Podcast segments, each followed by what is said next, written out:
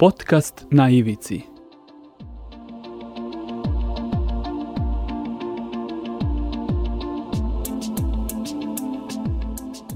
Na ivici. Pozdrav ljudi, otvaramo novu epizodu podcasta na ivici koji se emituje na portalu storyteller.rs. Ovog puta ćemo se posvetiti novoj važnoj temi, naime govorit ćemo o poremećajima u ishrani. 2. juna se obeležava Svetski dan poremećaja u ishrani, te ćemo današnju epizodu posvetiti, kako je i rečeno, upravo ovoj temi. E, zadovoljstvo mi je što je sa nama psihološkinja, aktivistkinja, medijatorka, e, blogerka Jelena e, Stojanović. Zdravo Jelena i hvala ti na učešću u podcastu na Ivici. Veliki pozdrav, hvala na pozivu, drago mi što mogu da budem sa vama danas. O, u ovom kontekstu ćemo dakle govoriti o poremećajima u ishrani, a e, sam svetski dan poremeća u ishrani, kako sam to i naveo, dakle nema baš makar šta i makar ko svetski ili međunarodni dan. Dakle, možemo govoriti o tome da su poremećaji u ishrani zapravo jedan prilično ozbiljan fenomen ili problem. E, da, zapravo e, kod nas se jako malo priča o e, tom problemu i e, negde pre dve godine sam prvi put organizovala Svetski dan poremeća u ishrani u Srbiji i e, u tom trenutku zapravo pričali smo koliko je kod nas e, to zanemarena tema, a koliko je prisutno u društvu. I, ovaj, I drago mi je što danas možemo malo da pričamo o tome i približimo ljudima uh, samu pojavu. Možda bismo mogli da krenemo upravo od tog uh, predavanja ili tribine koju si sama pomenula. Tema je bila lice i naličije poremećaja u ishrani. Taj naziv je zaista simboličan. Pa jeste, e, s obzirom, mm, eto, ja sam pokrenula e, u trenutku i neku stranicu na Facebooku i pokušavajući da oživim tu temu, ali taj naziv sam izabrala zato što zapravo imamo lice i naličje tog e, problema. Recimo, često se ne vidi i površ, na površini niko neće opaziti da se neko bori sa poremećima ishrani, dok iznutra je sasvim drugačije kao li ti naličije lista. Mm -hmm.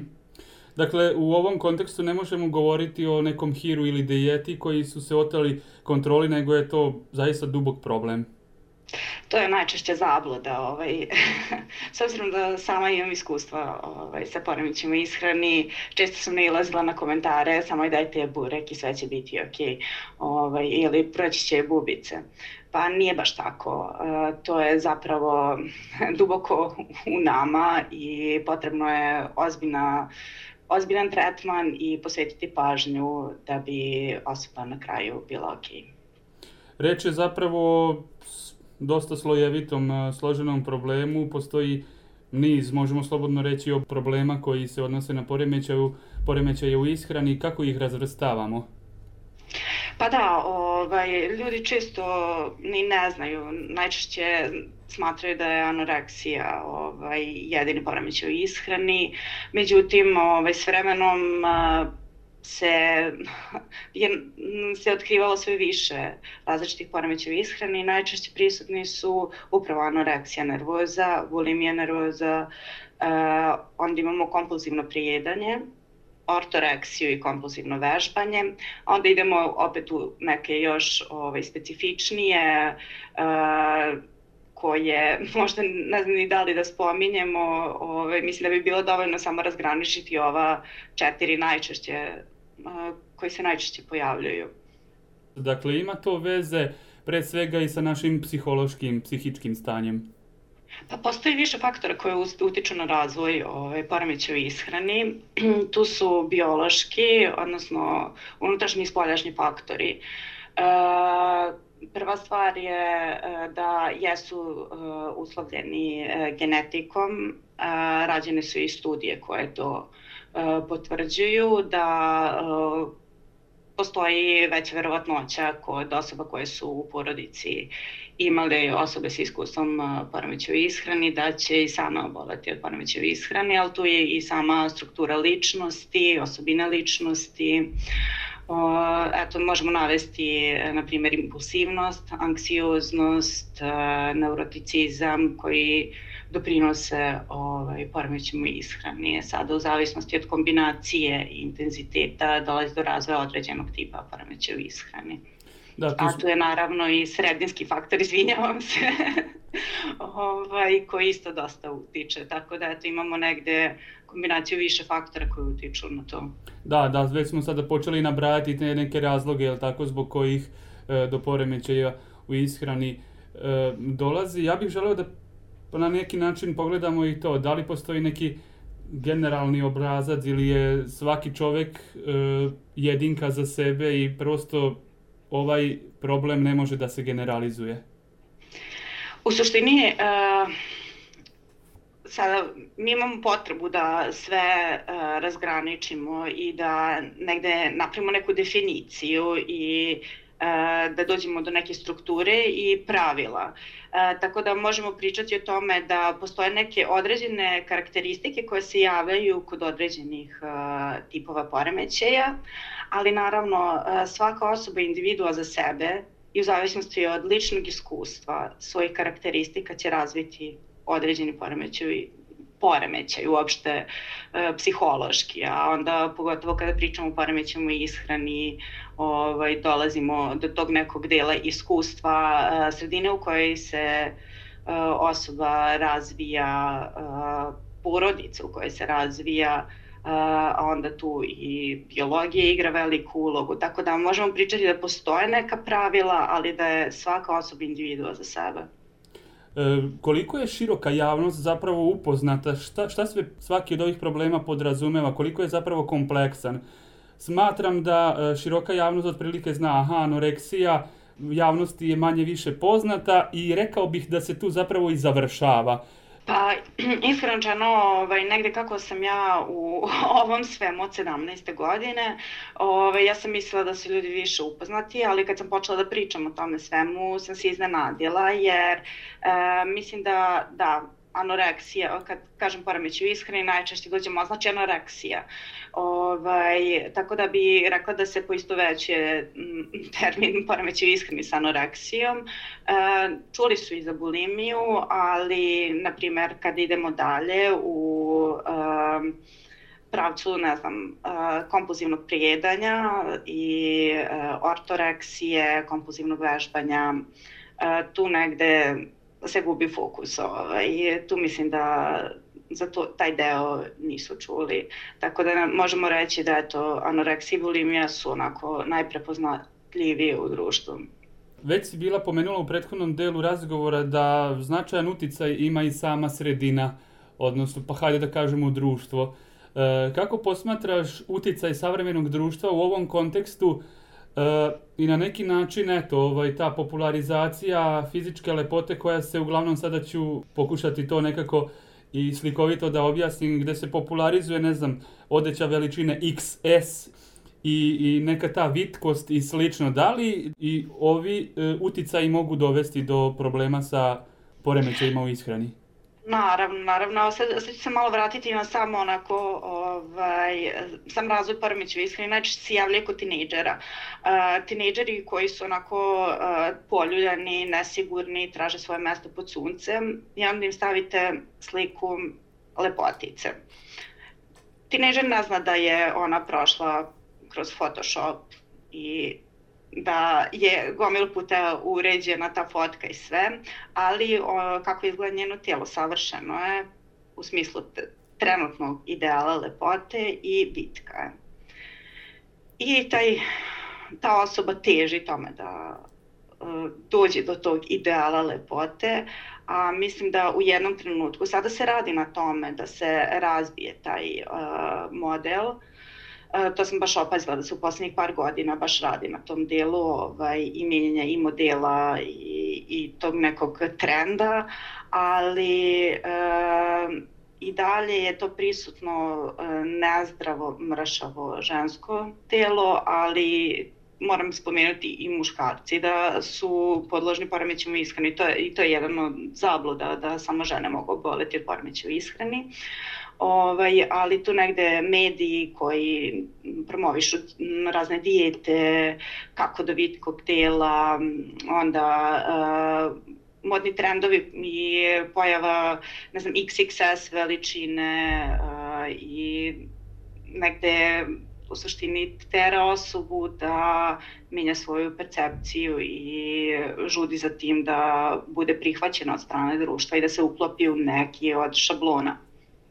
A možemo li u ovom kontekstu recimo da igramo i na kartu e, neke odgovornosti, morala i slično da bi se proizvođači odeće ili ne znam ja mediji počeli malo drugačije ponašati u ovom kontekstu? Naravno, naravno, ovaj, u suštini počelo se dosta pričati o, e, o tome u poslednjih e, par godina i e, počeli su sa kampanjama da modeli budu puni, da iz, mislim da imaju neko e, telo koje je normalno, koje nije e, ekstremno mršavo i na taj način mislim da pokušavaju da razviju te neke e, obrazce, ali mislim da će to biti dosta teško. U nekim zemljama znam da su i ukinuli e, XXS veličine e, i da jednostavno onako pokušava se izvući iz tog nekog trenda koji je nastao baš davno i mislim da će trebati još dosta vremena i ovakvih razgovora da bi se došlo do neke normalizacije ovaj, e, modela koji pratimo. Nadovezao bih se recimo u prošlosti je recimo e, model idealnog izgleda kako muškarca tako i žene zapravo su bile punije osobe, zar ne? Što je ovaj i na slikama nekih velikih umetnika vrlo verno prikazano. Da, da, da, mislim, to je bio u suštini odraz plodnosti ženske osobe.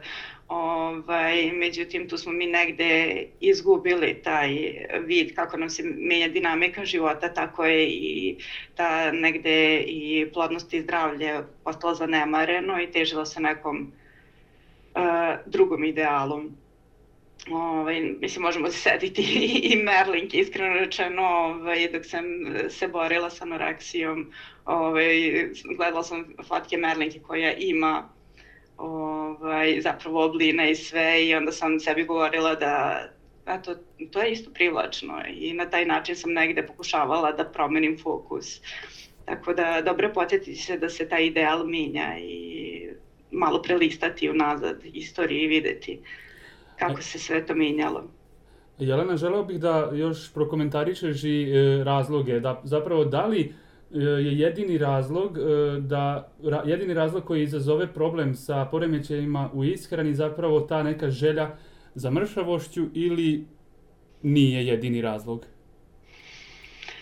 E, to jeste jedan od razloga, ali e, zašto dolazi do njega je bolje pitanje. E, to je onaj deo osobina ličnosti, ličnog iskustva i e, strukture ličnosti, u suštini taj neki perfekcionizam, želja za prihvatanjem i e, potreba da se uklopimo dovodi do razvoja. A, I onda negde strah od uh, gojaznosti i od tog nečeg ne biti dobar ovaj, dovodi do toga da ode u pogrešnom smjeru. I znači najčešće krene krenu poremeći u ishrani i e, opaze se kada osoba krene sa dijetama i restrikcijama, kompulzivnim vežbanjem, nagli gubitak težine, ovaj, e, tako da negde jeste težnja ka nekom e, idealu trenutnom, ali e, pravo pitanje je koji su razlozi za postizanje tog ideala. Da. Koji su uticaji poremećaja u ishrani, kako na e, fizičko zdravlje, ali i na psihičko stanje? Pretpostavljam da tu zapravo onda čovek baš ono ima, što bi se reklo, neke demone u glavi koji...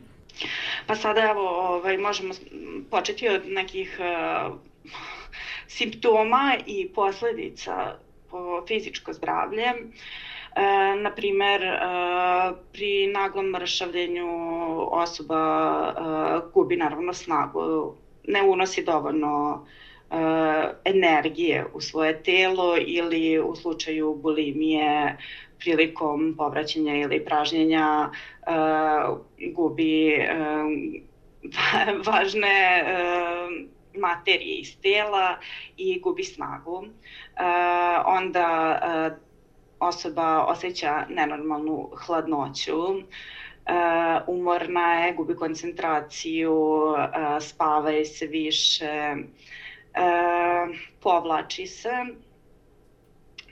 Onda kada dođe do određenog trenutka povećava se maljavost tela, menstrualni ciklus kod žena prestaje. A što se tiče nekih unutrašnjih demona, kako si rekao. E, tu se često javljaju i mm, neke onako kompozivne misli, da li je to potreba za izbeći obrok, da li je to potreba e, obezbediti dovoljnu količinu hrane i e, vreme za izbacivanje nakon konzumacije ili je to potreba za vežbanjem. Ovaj, ali najčešće su te neke misli koje progone zajedničko im je ta neka obsesija hranom i gubi se na kvalitetu života zato što jednostavno ta obsesija preuzima vlast nad životom. Posvećujemo sve tome. Mislim, ja bih se tu ograničila negde na uh, razmišljanje i obsesiju hranom, s obzirom da najčešće pričamo o ovim poremećima ishrane, znači bulimija, anoreksija, ortoreksija, a zaboravljamo da i uh, binge eating, odnosno uh, kompulzivno prijedanje poremećaju ishrane, koji je jako zastupljen, ali se slabo prepoznaje, odnosno ljudi ga slabo prepoznaju. To je ono topljenje emocije u hrani, e, preterano unošenje hranjivih substanci i ovaj, čežnja za istim. E, tako da negde ta obsesija hranom i kada to preuzima život, to su poremeće u ishrani. Mislim da bi to bilo naj, najbolje dočarati na taj način. Zašto recimo je na neki način ovo tema koja se da li izbegava ili prosto se na ovu temu u društvu ne govori? Da li javnost ljudi smatraju prosto da ih se to ne dotiče, onaj ko se bori sa ovim problemom pokušava sam da se izbori o čemu se radi? Pa u suštini slabo se priča uopšte o mentalnom zdravlju. U smislu, uh, slabo se priča o uh, poremećajima uh, psihološkim i uh, odnosno psihičkim poremećajima i to je negde i dalje tabu tema stigmatizovano pogotovo kod nas. Uh, samim tim i poremećaju ishrane. Negde uh, s obzirom na trenutne trendove, uh, ok je ići na dijetu i biti opterećen time koliko si kalorija uh, pojeo i uh, koliko si uneo u sebe, da li si izbacio dovoljno. To je negde i bilo mi moderno i sad mislim da je moderno. Ovaj, ali ne prepoznaje se i dalje zato što nekad osobe i dobro kriju onda to ide šta, nerazumevanje osoba koje nisu to preživele, jer šta, samo trebaš da jedeš. Tvoja sreća, možeš da jedeš šta hoćeš. I tu negde a, teško se prepoznaju i u suštini tek kad naiđemo na ovaj problem u svojoj okolini, a, shvatimo ozbiljnost istog. Primetio sam na pojedinim uh, televizijskim kanalima da postoje neke emisije koje se uh, kao na neki način reality showa bave ovim problemom, zapravo ne toliko problemom poremećaja u ishrani, nego uglavnom posljedicama tog e, kompulsivnog prejedanja, pa onda imaju višak kilograma, e, dolaze u te emisije gde onda nekim ekstremnim vežbanjem i prelaskom na zdraviji način ishrane skidaju e, kilograme i na kraju ovaj pobednik je onaj koji izgubi najviše. Kako to komentarišeš? Da li su te emisije recimo motivišuće ili je... Iskreno rečeno, mislim da je to jako loše. um, prva stvar, osobe koje imaju problema sa kompulsivnim prijedanjem, one se stide toga. Um, one se najčešće kriju kod kuće, izoluju se i to je njihov beg. E, I kada ih izvedeš pred svetla, ti ih postidiš.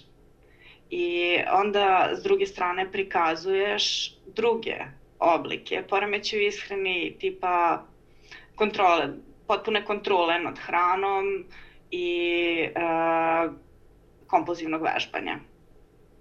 Znači, sada tu imamo onda, ako ćemo pogledati i s jedne i s druge strane, kada to gleda osoba sa problemima sa kompulsivnim prijedanjem, osjeća će se neprijatno. Možda će nekog motivisati, ali mislim da će osjećati ne, dozu neprijatnosti u svemu tome. I, a s druge strane, osoba koja ima problema sa anoreksijom ili bulimijom ili sa bilo kojom vrstom restrikcije, ćete pogledati, uh, osjetit će strah prilikom uh, pogleda na uh, gojazno telo i vidjet će da vežbaju i da onako restriktivno jedu i negde mislim da bi to moglo podstaći onako možda ulaz i produbljivanje samog problema. Tu bi se ograničila, to je moj lični stav i doživljaj. Ovaj, nisam naišla na istraživanja vezano za to, bilo bi zanimljivo odraditi neko tako istraživanje. E, kada je po tvom mišljenju potrebno potražiti pomoć psihologa ili lekara, ovaj, ko, ljudi koji imaju problem sa poremećajima u ishrani i sećam se da si bila govorila da je čak i tvoje lično iskustvo tebe motivisalo da kasnije upišeš e, studije psihologije. Da, da, da. Ovaj, u suštini, uh, mislim, iskreno rečeno, ja sam osoba koja onako zagovara uh, psihologe, odnosno savjetnike i psihoterapeute kao uh, najboljeg prijatelja svakog čoveka, jer svi imamo probleme koje trebamo da rešimo, a ne da ih gomilamo, a ne možemo sa bilo kim da pričamo o tome, ali uh, u suštini na samom početku je najbolje potražiti pomoć od stručnjaka. Uh, najčešća greška koju ljudi prave je odlazak kod nutricioniste, da je to prva stanica njega treba posetiti, prvo lekara opšte prakse pa nutricionistu, ovaj, ali mislim da je prvi korak otići kod psihologa sa kojim će osoba popričati i prihvatiti da ima problem. E, I to na samom početku kada vidimo da e, to negde preuzima kontrolu, da nas opterećuju neke misli. Mislim da je to baš i važno, jel tako, da sam sebi priznati, je, imam problem. Da, to je prvi korak. Jer mm, to, na primer, e, i sada često se dešava da roditelji prepoznaju da dete ima određeni problem ili e, nastavnici u školi, saradnici i da ne znaju kako da postupe. Tu je sasvim ok potražiti pomoć od e, nekoga na koji način pristupiti ili izgooglati. Mislim da sad i postoje ovaj, i dosta onako članaka i tekstova vezanih za to ali definitivno je onako uh, bitno skrenuti pažnju na to da neko ima problem i da ne treba vršiti pritisak, jer pritisak će samo odbiti osobu od toga da radi na problemu. A da li dolazi do toga da osoba koja ima problem prosto ignoriše ga i na neki način misli, ok, to je sada, eto, dešava mi se, nadam se da će proći, međutim to ne prolazi. Da li do takvih situacija dolazi? Pa to mislim da je onako e, da se dešava kod skoro svakog od nas. Teško je priznati da imaš problem. Još više energije traži na, to nalaženje snage da se obratimo za pomoć. Ovaj, I u suštini taj, taj prvi korak je, ja mislim, najteži prihvatanje samog problema. Onda dolazimo do problema da e, često e, osobe s poremećima ishrani e, dovoljno dugo ostanu u tom nekom obrazcu da se poistovete sa svojim poremećajima. A šta to I znači zapravo? Da se gubi granica između, ajde sad ću navesti anoreksiju kao primjer, između anoreksije i osobe. Da je prožela svaku poru života i da odricanjem od anoreksije, odnosno radeći na tom poremećaju, uh, gubimo deo sebe.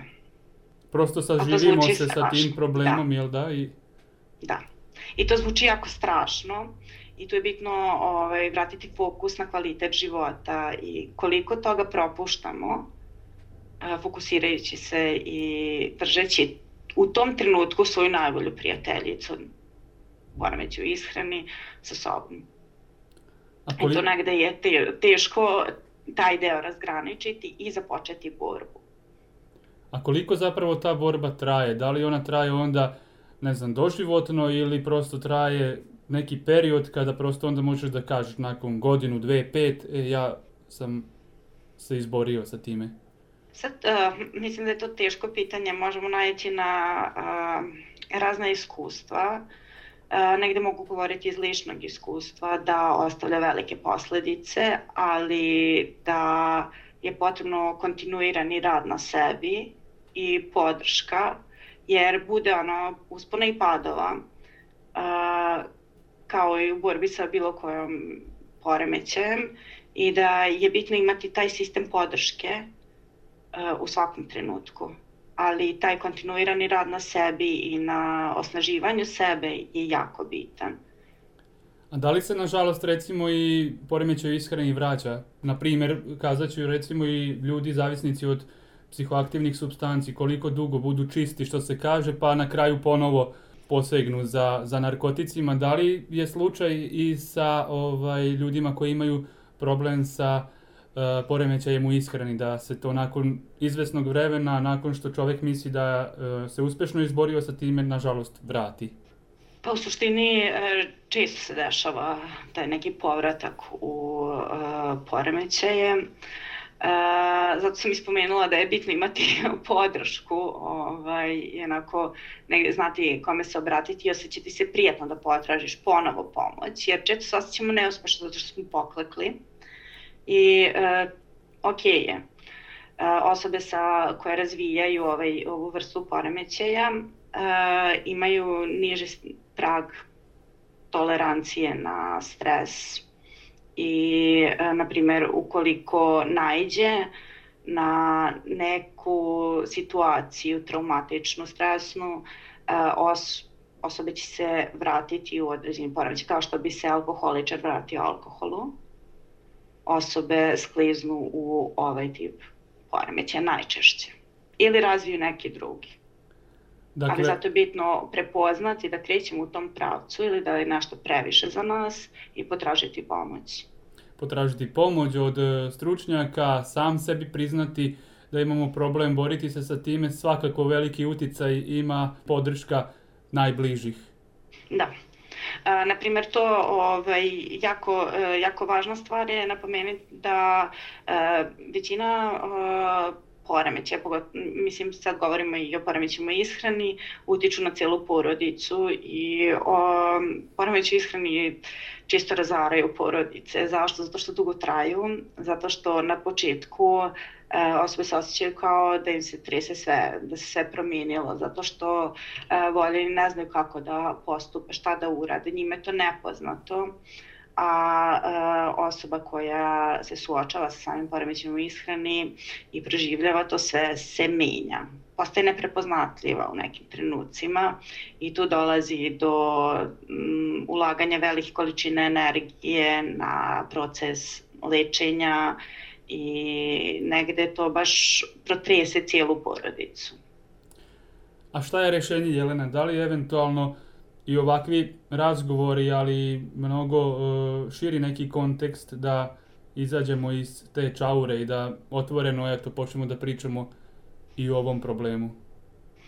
E, iskreno rečeno, sad se opet vratiti na period pre 10 godina ovaj, kad je sve ovo kod mene započelo, e, nije se pričalo uopšte o tome, osjećala se kao čudovište. Ovaj, to jeste razlog zašto sam počela da pišem, pričam o tome i e, prvo, prva stvar je onako uh, shvatiti da nisi sam.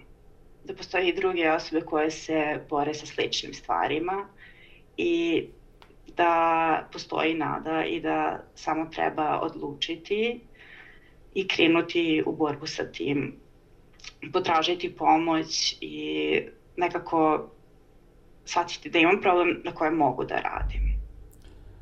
Možda bi bilo najbolje da sa ovom porukom i zaključimo današnji razgovor, svetlo na kraju tunela se ipak nazire. Jelena, mnogo ti hvala na odvojenom vremenu i na tome što si bila gošća podcasta na Ivici, kao i na tome što si govorila i o svom ličnom iskustvu, ali i na ovu značajnu temu kao što su poremećaji u ishrani.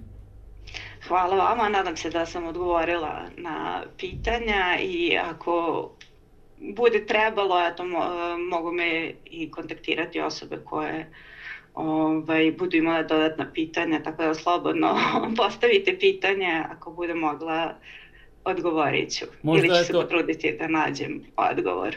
E, ne znam da li bi mogli da se obrate vama pa da mi prosledite pitanja ili eto ja sam trenutno u omladinskom savjetovalištu sa ženskog centra i mogu se obratiti svakako za savjetovanje ili samo sa pitanjem na koje ću se ovaj, potruditi da odgovorim. Eto, dragi slušalci, čuli ste ukoliko imate neka pitanja, slobodno kontaktirajte, možete i nas, možete i Jelenu i hajde da razgovaramo i na ovu temu, ne bili smo na taj način pokušali pa makar jednu kap u moru, eto, da, da doprinesemo e, tome da se e, ovaj problem na neki način što manje dešava. Hvala vam puno i nadam se da ćemo se uskoro ponovo čuti. Eto ljudi, došli smo do kraja još jedne epizode podcasta na Ivici koji se emituje na portalu storyteller.rs. Za danas bi to bilo sve. Čujemo se.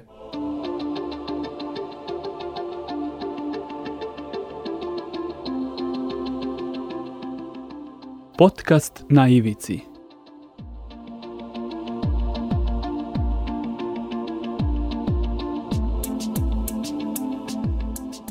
Na Ivici Ovaj podcast je nastao zahvaljujući financijskoj podršci građana i građanki u okviru kampanje lokalnih medija Tačka okupljanja Nezavisnog društva novinara Vojvodine.